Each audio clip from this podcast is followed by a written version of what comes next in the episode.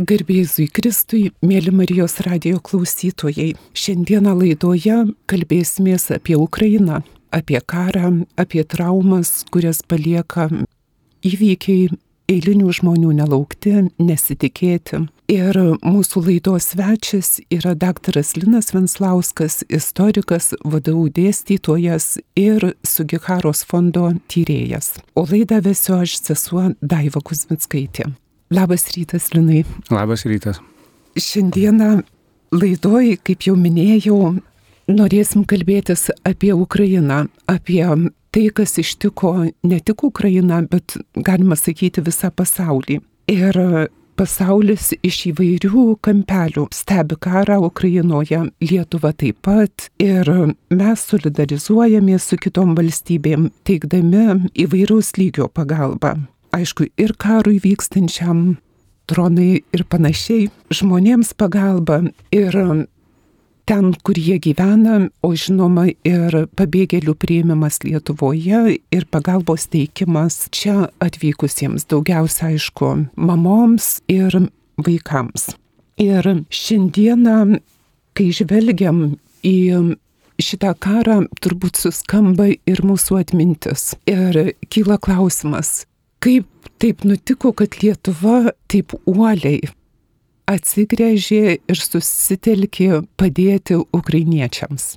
Įvairios čia turbūt interpretacijos galėtų būti šito reiškinio pirma, nežinau, kiek jisai plačiai visuomenė veikia, bet kažkuria prasme, sakykime, bendra istorinė atmintis. Ypatingai, sakykime, iš ukrainiečių pusės, tiek kiek aš uh, turiu ten kolegų, kiek teko su ukrainiečių studentais bendrauti, tai iš jų pusės vis tiek ta, na, saliginai, sakykime, sena istorija, didžiosios kunigaikštysės istorija, jų, jų atsimenama labai pozityviai. Ta bendra valstybė ir bendras sugyvenimas toje valstybėje iš tikrųjų yra svarbus akcentas. Na, žinoma, aš pirmiausia su istorikais bendrauju. Tai vienas dalykas. Antras Kitas dalykas jau artesnis, sakykime, ir mūsų kartom artesnis, tiek kiek vėl su jais teko bendrauti, jie, na, tas vadinamasis baltas pavydas, sakykime, veikia, jie sako, kad jūs buvot labai laimingi, kad 90-aisiais sugebėjote ne tik tai, na, sakykime, ištrūkti iš Sovietų sąjungos, bet ir persiorientuoti ir integruotis į vakarus ir iš tikrųjų taip tas iki karinis jų nusistatymas buvo iš ukrainiečių pusės, kad iš tikrųjų mes kažkuria prasme esam sėkmės istorijai. Tai iš jų pusės, iš mūsų pusės, matyt, bendra ta reakcija buvo ne tik Lietuvos kaimininių valstybių, čia gal net ypatingai Lenkijos didžiulis indėlis ir parodimas to supratimo pabėgėlių problemos. Kita vertus, patirties prasme, dalinai gal ir mąstymo prasme, matyt, Lietuva yra pakankamai artima Ukrainai. Pirmiausia, turiu omenyje ir sovietinės okupacijos laikotarpį ir aišku jau tą nepriklausomybės laikotarpį, kuomet Rusija iš tikrųjų vairiais būdais, na, sakykime, dirgino tą regioną ir bandė nešti įvairiausią sumaištį. Ir Lietuva kitą kartą gal dalis net visuomenės ar, ar oponuojančios partijos pa, gana pašaipiai reaguodavo, kad visuomet Rusijos faktorius minimas. Lyg tai daugiau nebėra ką kalbėti, kad Rusija yra pavojus, kad iš jos gali kilti grėsmė, atrodo, ta, na, taip paprastai sakant, ta pati dainelė visą laiką sukasi ir staiga dėje, bet pasirodė, kad na, tie perspėjimai arba tos išvalgos buvo teisingos. Tai kažkuria prasme, kad kažkas gali kilti iš Rusijos ir kad į tai reikės reaguoti, buvo ilgą laiką bent jau skambėjo kažkur, nežinau, nebūtinai pirmose eilėse, bet kažkur kaip fonas visą laiką tas Rusijos grėsmės faktorius buvo. Manau, tai irgi turėjo įtakos. O bendrai ta reakcija į karą, kadangi, na, ačiū Dievui, Europa gyveno kelis dešimtmečius taikiai ir tai yra iš tikrųjų didelis sukretimas, trauminė patirtis ir ypatingai, kai tas karas, vėl, gyvenam globaliam pasaulyje, bet vis tiek turbūt ar sąmonė, ar pasąmonė yra tam tikras susiskaidimas, tai tiek čia yra europinė kultūra, čia yra Europa, tai mums jisai atrodo artimesnis. Jeigu vyksta karas ir mes gaunam visokių informacijų ir iš Afrikos, Afrikos ar iš kitų karo zonų, tai mūsų reakcija visuomenės tada yra šiek tiek galbūt neutralesnė. O čia šitas faktorius, kad čia yra čia pat, kad mes tą galim suprasti ir tuo pačiu metu atsiduriam kaip ir pavojaus zonoje, galim būti ir kitas taikinys. Tai manau šitie faktoriai įtakoja tą bendrumą. Viena, antra, gal taip kažkuria prasme nesąmoningai ruošiamės jau nuo 2014 metų. Čia keletas visuomenės aktyvistų, pilietinių iniciatyvų, Blue Yellow, kitos organizacijos, kurios sistemingai kartojo, kad Krymas yra tik tai pradžia, kad 14 metai yra pradžia ir kad dar baisesniem, blogesniem dalykam reikia ruoštis. Deja, tos prognozijos e, išsipildė ir iš principo, man atrodo, ta Lietuvos reakcija, laikysena yra iš tikrųjų gera, tinkama, pozityvi, suprantanti, atjaučianti. Ir čia vėl pasiduosiu savo profesiniai lygai. Tam tikros paralelės galėtų būti matomos tarp antrojo pasaulinio karo pradžios, čia 39 metai, kuomet užpuolame Lenkiją, vėl dviejų agresorių, nacijų Vokietijos, ką mes dažnai kalbame, bet visą laiką pamirštame ar dažnai pamirštame, kad antrasis agresorius buvo kita totalitarinė valstybė - Sovietų sąjunga. Faktiškai nuo Molotovo Ribbentropo pakto susitarimo ir prasideda antrasis pasaulinis karas. Tai net mokyklose, kiek atsimenu, mokom, kad nacijai sukėlė antrąjį pasaulinį karą, bet iš principo buvo du veikėjai šitoje vietoje. Ir kuomet Lenkija užpuolama nacijų, vėliau sovietų, taip pat pradeda bėgti Lenkijos gyventojai ir Lietuva elgesi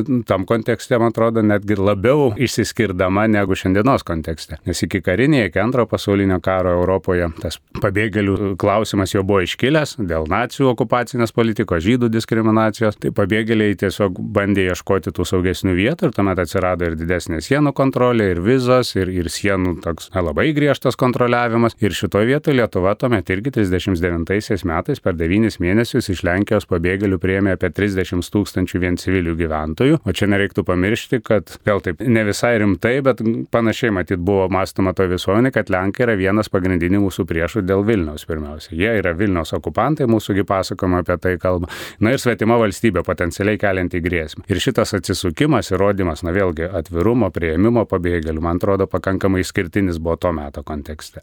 Tai kažkuria prasme, sakom, turim mokintis iš istorijos, vieną, antrą mokintis tam, kad blogi dalykai nepasikartotų. Deja, šitų pamokų neišmokstam, jie vis kartojasi, bet, sakykime, ir antrą kartą susidūrusi su pabėgėlių, na, tam tikrais srautais, karo akivaizdoje, karo pabėgėlių srautais, Lietuva vėl reaguoja pozityviai, daro tiek, kiek gali padėti. Nors aišku, čia visokių nuomonių galėtų būti, vieni sakytų galbūt per mažai, bet iš tikrųjų svarbu, kad ta pagalba yra sisteminga. Viena, antra, kas man stipriai padarė įspūdį, kalbant ne tik tai apie Lietuvos visuomenę, bet apie visas priimančias pabėgėlius ir vėl ypatingai Lenkijos atveju, kad patys gyventojai, patys žmonės tiesiog noriai, savarankiškai, savanoriškai, pilietinės motivacijos, dar kažkokiu kitokiu vertybių e, vedini priima tos pabėgėlius prašančius pagalbos. Tai man čia yra svarbus indikatorius, kad gana dažnai mes laukiam, kad ką valdžia pasakys, leis, neleis, galima, negalima, ką dabar turim daryti. Ir šitoje vietoje ta situacija yra visiškai priešinga. Tai čia, man atrodo, jau mūsų kaip visuomenės stiprumas. Mes turim visokių priekaištų, visokių įtampų savo visuomenėse, bet šitas indikatorius mane kažkuria prasme nuteikia pakankamai pozityviai, kad mes turime tos atjautos, supratimo ir galimybių mobilizuotis, jeigu e, iškyla kažkoks pavojus. Ir vėl čia taip schematiškai kalbant, bet tos schemas matyti veikia mūsų galvose. Vis tiek, kaip artima mums tauta bebūtų Ukraina, vis tiek tas savas svetimas arba aš ir kitas vis tiek čia veikia. Tai iš principo mes priimam svetimus žmonės. Taip, europinės kultūros atpažįstamos, matyti kitaip reaguotume prielaidą tik tai darau. Jeigu tai būtų, nežinau, musulmonai, kitos rasės, kito tikėjimo, dabar kultūriškai, mentaliteto prasme, ukrainiečiai mums yra pakankamai artimi, bet tuo pačiu metu jie yra vis tiek atvykėliai iš kitur. Ir čia mes tada rodom, na, tą iš tikrųjų tokį atvirą prieimimą ir supratimą, kad galime priiminėti, padėti tiems žmonėms, kurie reikalauja dabar iš tikrųjų ir paramos, ir pagalbos. Ar čia atbėgę žmonės, ar, ar ten pasilikę Ukrainoje ir ypatingai fronte kariaujantis kariai. Labai įdomu, klausausi ir dar galvoju, tai, ką ukrainiečiai šiandien patiria. Ir ką mes matom žiniuose, žiniasklaidoje sklando ir Marijupolio, ir Bučos, ir kiti, na, žiauriausi dalykai, ką paminėjai, kad, na, karas tarsi norisi, kad ir karas vyktų pagal taisyklės. Civilizuoto karo, jeigu taip galima sakyti, norėtųsi. Bet taip nėra. Ir kažkaip sąsajos veda ir į antrą pasaulinį karą, į tą žirgelį, kuris pačiam labai toks prijaukintas Ir galvoju, mūsų rainiai, tremtys į Sibirus, kalėjimai, naikinimas žmonių buvo tikrai žiaurus, bet lygiai taip pat ukrainiečiai tą patį patyrė. Ir kaip va šita dalis, na, toks įspūdis, kad mes neįveikę vienų traumų, ant jų gaunam dar visą krioklį naujų traumų. Ir netgi stebint kitų šalių, vad kaip Ukrainos karą, esame traumuojami taip pat.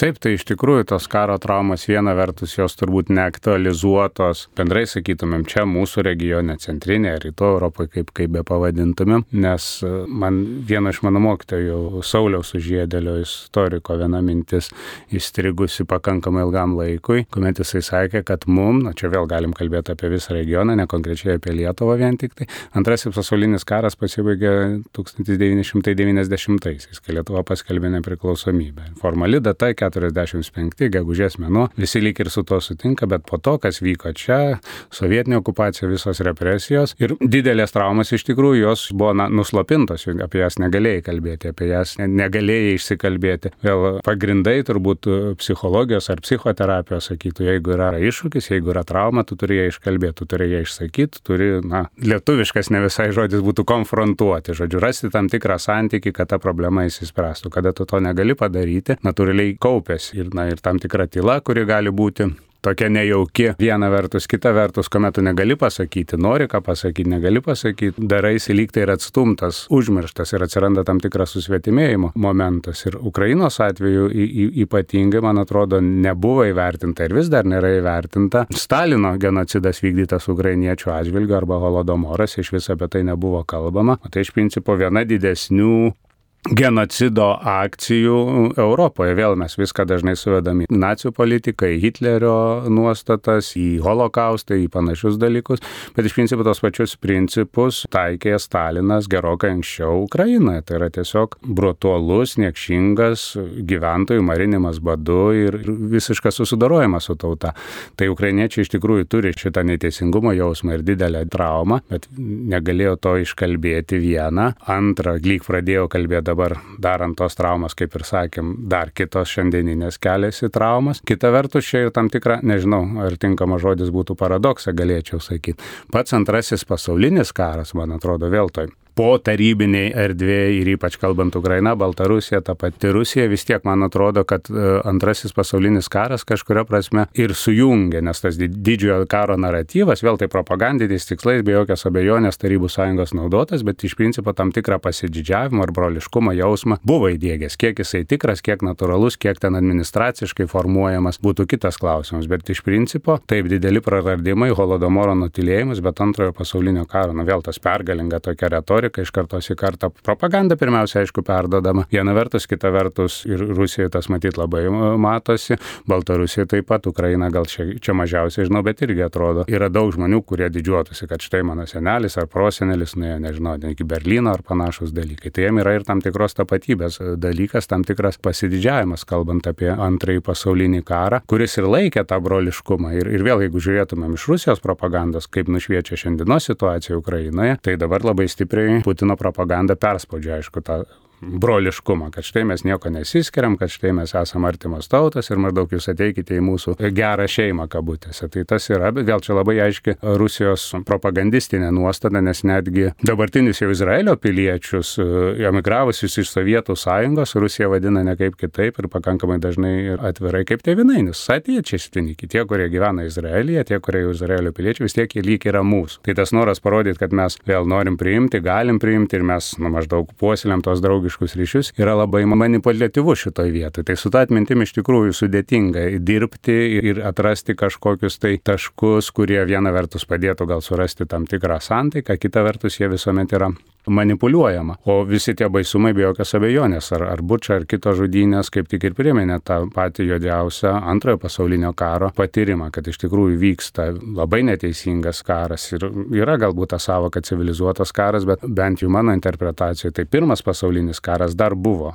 civilizuotas arba garbingas karas, kuomet viena iš pagrindinių nuostatų karinės vadovybės buvo įmanomai vengti civilių gyventojų, nekariaujančių gyventojų aukų. Antrasis pasaulinis karas parodė visiškai priešingą kariavimo būdą, kad kaip tik reikia kuo daugiau daryti nuostolių priešui, visiškai nepaisant, ar tai civiliai gyventojai ar ne, kaip tik morališkai demoralizuoti savo priešininką. Ir vėl atrodo, Ukrainos pusė ir jo sąjungininkai grįžo kažkuria prasme prie tų civilizuoto karo, kaip keistai beskambėtų ta savoka principų, kad taip, jie laikosi garbės, jie laikosi, na, tokio tikslingo kariavimo. Tuo tarpu šiandieninė Rusija išlaiko pačias blogiausias antrojo pasaulinio karo arba totalitarinių valstybių tradicijas ir naikina, šluoja viską, kas pasitaiko po jos kojomis. Tai vėl dabar tie, kurie išgyvena karą, žinoma, jie turi didžiulės traumas, daug praradimų, daug įvairiausių, ne tik, kad netekčių, bet ir konfliktų, ne viena, ne dvi, turbūt šimtais tos istorijos, kuomet šeimos pasidalina, nes atsiranda va, tas iš vienybės, iš kažkokio sugyvenimo, iš tos bendros praeities interpretavimas, taigi jie pasidaro nesutaikomi priešininkai. Įdomu tai, kad ir dalyje, va, sakom, ta bendra atmintis arba bendra patirtis Lietuvo šeimų nėra jų tiek daug, bet kelis atvejus žinau. Vėl tai ilgesnis laikas būtų karas, pokaris, tada ištremti lietuviai, grįžta po tremties, Lietuvoje negali apsigyventi, dalis apsigyvena įmanoma arčiau tėvynės, tai yra Kaliningrados rytis. Gyvena vat kelios kartos, bendrauja nuolatos, palaiko ryšius ir štai vyksta karas Ukrainoje, prasideda ir tie giminės iš Kaliningrado skambina savo giminėm, eiliniam pokalbiu, sako, jūs ten laikykitės, mes to ateisimės išvaduoti. Ir tuomet tie Lietuvoje gyvenantis klausė, sako, palauk, nuo ko mes turit vaduoti, čia pas mus viskas gerai. Na, žodžiu, argumentas po argumento, žodis po žodžio baigėsi to, kad šita giminė daugiau nebesišneka. Nors išlaikė visus išbandymus, atrodo, ir antras pasaulinis, ir tremtys, ir tie ryšiai nenutrūko, va štai kol įvyko šitas karo atvejis Ukrainoje ir tai iš tikrųjų šituo noriu sakyti, kad dabar žmonės karo fronte ar Ukrainoje gyvenantys yra traumuojami, bet paprastai karo traumas jos turi, na, jeigu taip galėčiau sakyti, ilgą tokią perspektyvą. Tai reiškia, kad ateityje, jau daug dievė greitai pasibaigus karui, vis tiek tos problemos tik išlindinės ir artės. Ir man atrodo, nenoriu būti blogų pranašų, bet e, ukrainiečių ir rusų santykiai po karo ilgą laiką dar bus pakankamai sudėtingi. Dėl to, kad vėl ir nusistatymas viena vertus, ir propaganda daug duoda, pakankamai suunifikuoja. Ir dabar tas indikatorius ir Lietuvoje tas jaučiasi, kam aš visiškai nepritariu, kad jeigu tu kalbi rusų kalba, tai jau reiškia, kad tu esi, na, sakykime, proputiniškas ar dar kažką, vėl visiškai ne, ne, ne, nesuprantu, nepritariu rusų kalbos naikinimui mokyklose ir panašios dalykai, bet čia jau šiek tiek nainu nuo temos, bet faktiškai dabar patiriamos karo traumas, jos su karu nepasibaigs. Ir čia gali būti kartos, dviejų kartų perspektyvoje, lygiai taip pat kaip po traumų ilgai, bet ačiū Dievui sėkmingai atsigaudinėjo ta pati Vokietija, pavyzdžiui, su visa nacionalsocializmo kupra, su visų holokausto siaubu, nes vėl kad ir Vokietijos atveju nelaimėjo karo nacijai, vėl sėkmingai taip susiklostė, bet iš principo nekariaujanti visuomenės dalis dalyvavusi kare, netgi ar nugalėtojai jausčiau ir ypatingai pralaimėjusi pusė, vis tiek jie jaučiasi, kad mes buvom pirmosios aukos ir tada, ką mes padarėm blogai, nors Ukraina labai iš tikrųjų stengiasi vengti civilių aukų, stengiasi vengti bet kokio žalos, kas nesusijęs su karo veiksmais, bet kaip be pasibaigtų karas, vis tiek, aš manau, Rusijos Putino propaganda jau tiek bus padariusi, kad vis tiek bus Putinas, nebus Putinas, čia vienas iš kertinių klausimų, bet aš manau, Rusijos visuomenė bet kokiu atveju jausis, kad mes buvom aukos, mes nukentėjom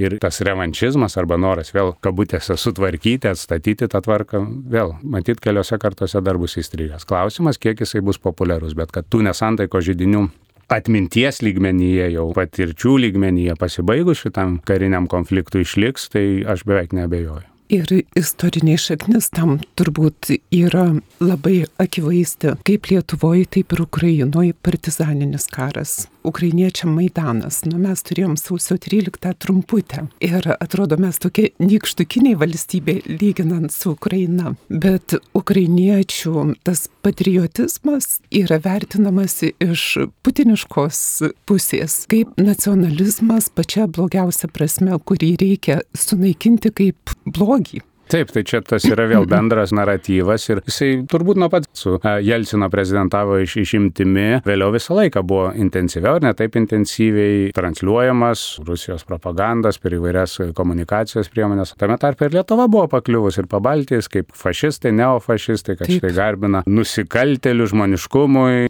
supras mūsų partizanus, kurių gal vienas Banditus. kitas buvo prisidėjęs prie pasaulinio karo ir prie kitų veiksmų, ne tik kova su Sovietų sąjungu. Tai tas yra naratyvas motyvas ir, ir visą laiką Rusija tą pabrėžia, vėl matyti irgi iš tos atminties antrojo pasaulinio karo, kuomet na, užsidėjo tą pergalingo šlovės vainiką, sakant, kad štai mes nugalėjom, na tas kažkaip Sovietų sąjungoje yra rusiško erdvėje prastesnis žodis fašizmą. Mes nugalėjom fašizmą, reiškia mes esam teisingoj pusėje, mūsų vertybės, moralinis kompasas vis dar taip sukalibruoti, kad mes atpažįstam tą atgimstantį fašizmą ir štai kabutėse vėl darom šventą darbą, stabdom jį pačioj pirminiai stadijoje. Tai o kas geriausiai sustabdys, aišku, jeigu mes būsim tenai ir šeimininkausim. Tai Ukraina dėl to, jeigu norim turėti taip iš tikrųjų didelę, turtingą valstybę, bet atpažįstamą stabilę, o rusų propaganda nors sakytų, kad na, jinai turėtų būti mūsų sudėtyje, tada problemų nebus. Pabaltijais Lietuva taip pat, jeigu bus Rusijos sudėtyje, tai supras, kad neonacizmo kažkokio apraiškų šitose regionuose nebus. Ir iš tikrųjų kažkuria prasme iki tos agresyvios karo stadijos ta Rusijos propaganda veikia iš tikrųjų. Gal ne taip masiškai tikėjo, na vadinkim, vakarų pasaulis arba likęs pasaulis, bet tam tikrų atgarsių, tam tikrų vėl, net taip senai istorija dabar susiklošiusi su vienu mūsų Seimo nariu, ne vietoj pasakyta netinkama žodis, retorika, dar kažką, tai taip pat išpučiamas ir maždaug teikiami argumentai, kad žiūrėkit, mes taip ir kalbėjom, iš tikrųjų, tai jie visi tokie užsislapsta, dabar vat, pasirodė, tai dėl to mūsų tas priekaištai ar, ar invazija yra pat pateisinama. Tai. Ir ilgą laiką vėl, ilgą laiką turiu omeny antrasis pasaulinis karas, iš principo, ko skiriasi nuo dabartinės pasaulio reakcijos, kad a, pati pradžia antrojo pasaulinio karo buvo nulaidžiavimo politika. Iš tikrųjų, sakant, vėl, nacijai, a, Hitleris buvo pakankamai agresyvus, bet tuometinė pasaulio, tarptautinė bendruomenė kažkaip, na taip, priimdavo gal dalinai argumentus, bet iš principo nulaidžiaudavo. Nu, gal pasisotins, gal praeis. Tai šita reakcija tokia vėl pakankamai lėta, daugam turbūt atrodo, kad per ilgai, per daug trunka tie procesai procesai. Bet iš principo nuo pat pirmųjų karo dienų Ukrainoje ta reakcija buvo negatyvi ir niekas nekalbėjo, kad štai gal palaukiam, nors aišku, kritiškiau vertinantis procesas sako 2014 Krymo aneksijos metu jau taip reikėjo reaguoti. Tai vėl tas, matyt, periodas, bet ačiū Dievui, jisai praėjo pakankamai greitai, kuomet, na, pasaulio bendruomenė atsitokėjo, kad štai su nuolaidžiavimas nieko nepasieksim. Ir kaip be būtų vėl blogai, destruktyvų karas, bet jeigu jau, na, ta karo pirštinė mesta, pasirodo, kol kas mes nerandam geresnio būdo, negu, na, kalbėti tą kalbą, kurią kalba okupantas, kurią kalba agresorius. Šiuo atveju tai yra dėja karo kalba. Ir, Linai, jau mes tarsi į pabaigą eitumėm, vis tiek noriu prisiminti pradžią apie solidarumą ir pagalbos teikimą ir susijęti su paties Sugiharos fondo veikla. Norėčiau paprašyti, kad primintum apie tai, kas Sugihara buvo ir kaip šiandieną galėtume mes, kurie neinam su šautuvais, neskraidom virš priešo lauko, bet užsiimti aktyvę poziciją karo atžvilgiu. Ir aš galvoju apie eilinę mamą, kuri turi keturis, penkis vaikus ir neturi kada kažką daryti. Žmogų, kuris žemę aria, močiutė, kuris sėdi su rožančiam klausosi Marijos radijo ir dalyvauja maldose. Ir kaip su Giharos pavyzdys, nes nu, paralelės galima irgi išvesti Lietuvą, vokiečių okupuota ar net baisiųjų fašistų, kurie naikina žydus. Ir užsienietis, diplomatas Kaune pradeda veiklą, tikrai ne jam kas liepė, pats prisima atsakomybę. Tai ką mes šiandieną, vat, jeigu gali paminėti, kas tai buvo per asmuo, diplomatas, katalikas, japonas.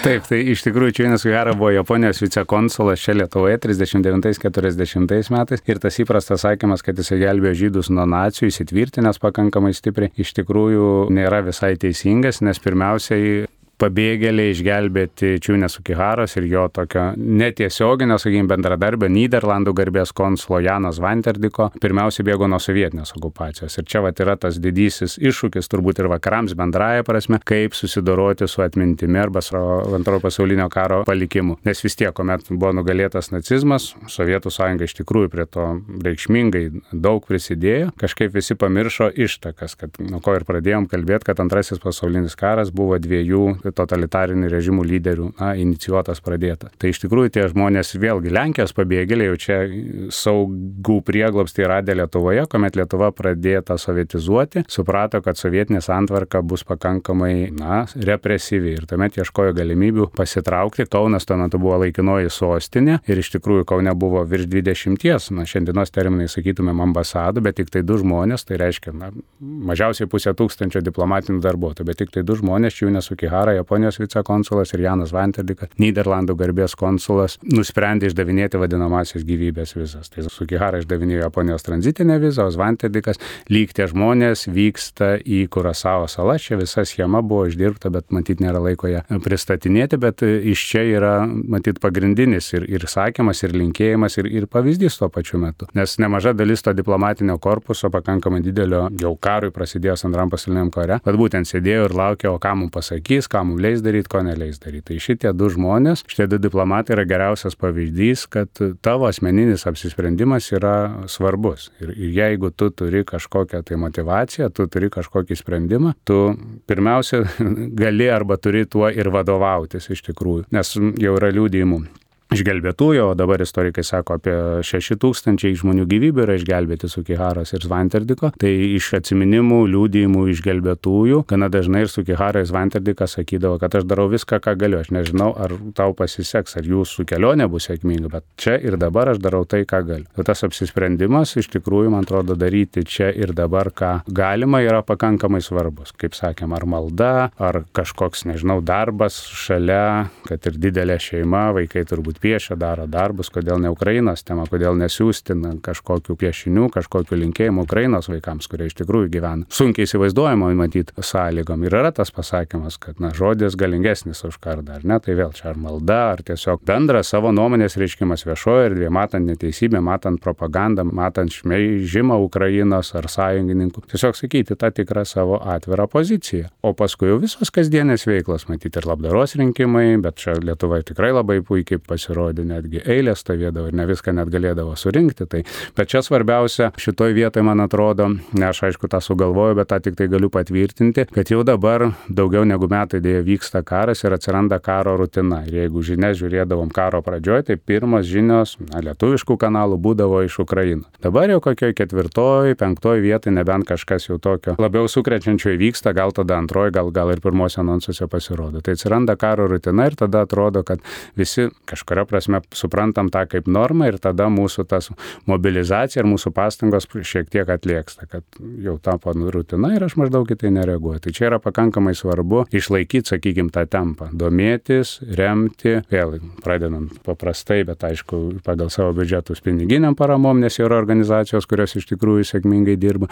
Bet aš kaip ir sakiau, geras žodis, geri linkėjimai tiesiog ar, ar kažkokiu tai darbų darimas tikrai padėtų Ukrainai tiesiai, bet iš to ir vėl mes jau tą darom ir, ir krypstam prie to.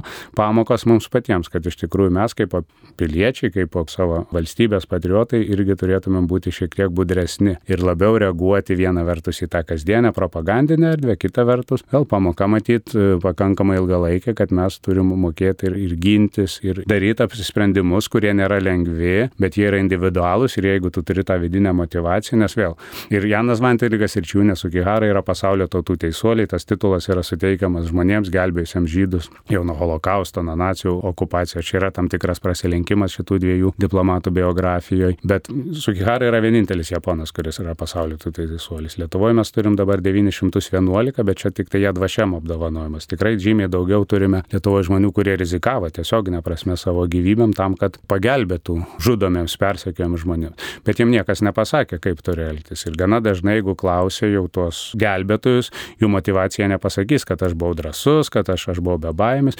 Pačios įvairiausios motivacijos. Čia, jeigu apie Lietuvos gelbėtojus kalbėtumėm, ta religinė motivacija yra pakankamai akivaizdi. Kalbant apie Čiūnę Sukihara, kodėl jisai taip apsisprendė. Vėl jisai buvo japonas, iš ateinantis iš budistinės, šintoistinės tradicijos, bet savo gyvenimo kelyje jisai pirmą kartą vesdamas, jisai priėmė, kadangi jo žmona buvo balta tųjų rusų atstovė, jisai priėmė stačiatikybę, jisai apsikrikštijo pagal ortodoksų apeigas, tai reiškia, jisai buvo atviras įvairiausiam patirtim ir iš tikrųjų ta gal ne tiek tiesiogiai religinė, bet bendrai ties stiprus humanistiniai pagrindai ir supratimas, kad tavo gyvybė yra lygiai tokia pati brangi e, kaip ir kito visiškai nepažįstamo žmogaus, bet mes esam sukurti pagal, na, vėlgi mūsų biblinė tradicija, sakytumėm, pagal tą patį pavyzdį. Tai jokių išskirtinumų propagandistinių, ideologinių negalėtų turėtų būti. Ir čia mes tada galime elgtis taip, kaip mūsų motivuoja, mūsų apsisprendimai, mūsų aplinka, o kaip ir pradžioj sakiau, atrodo šita bendrai ir Lietuvos visuomenės, ir, ir kitų valstybių reakcija į karą Ukrainoje iš tikrųjų yra išskirtinė, kad mes jau nebelaukiam, kad gal praeis, gal įsispręs patys, gal palaukim, padarykim kažkokiu nuolaidu. Ta reakcija yra tinkama, adekvati, aišku, kai ką sakytumėm, galbūt daugiau norėtumėm, bet vėl šitoje vietoje svarbiausia, kad ir ką mes bedarytumėm, pradedant kasdienę maldą ir gerų žodžių Ukrainos labui ar kažkokią paukojimą labdaros akciją, mes vis tiek ir prie parduotuvių ir kitose vietose gali kažką įdėti Ukrainos labui. Bet svarbiausia, kad mes nepamirštumėm, kad nereikia nustoti tą daryti, kad ir kaip mažai man atrodytų aš darau, jeigu aš to nedarysiu, jau šitoje vietoje Ukraina šiek tiek praloš. Tai va tas nuoseklumas savo kasdienėse darbuose, aš manau, yra svarbiausias dalykas.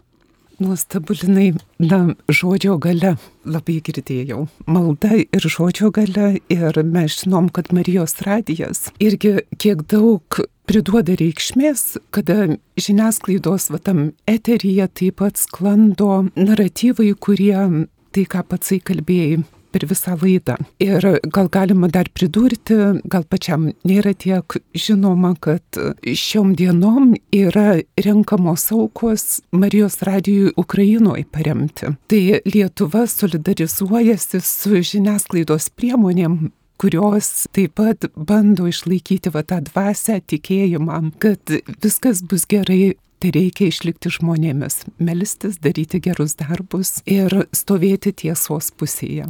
Labai ačiū Linai už gilias įžvalgas ir kartu labai viltingas. O Marijos radio klausytojams noriu priminti, kad laidoje dalyvavo daktaras Linas Venslauskas, istorikas, Vytauto didžiojo universiteto dėstytojas ir Sugiharos fondo tyrėjas. Ačiū Linai. Ačiū Jums. Iki kitų kartų. Sudė. Sudė.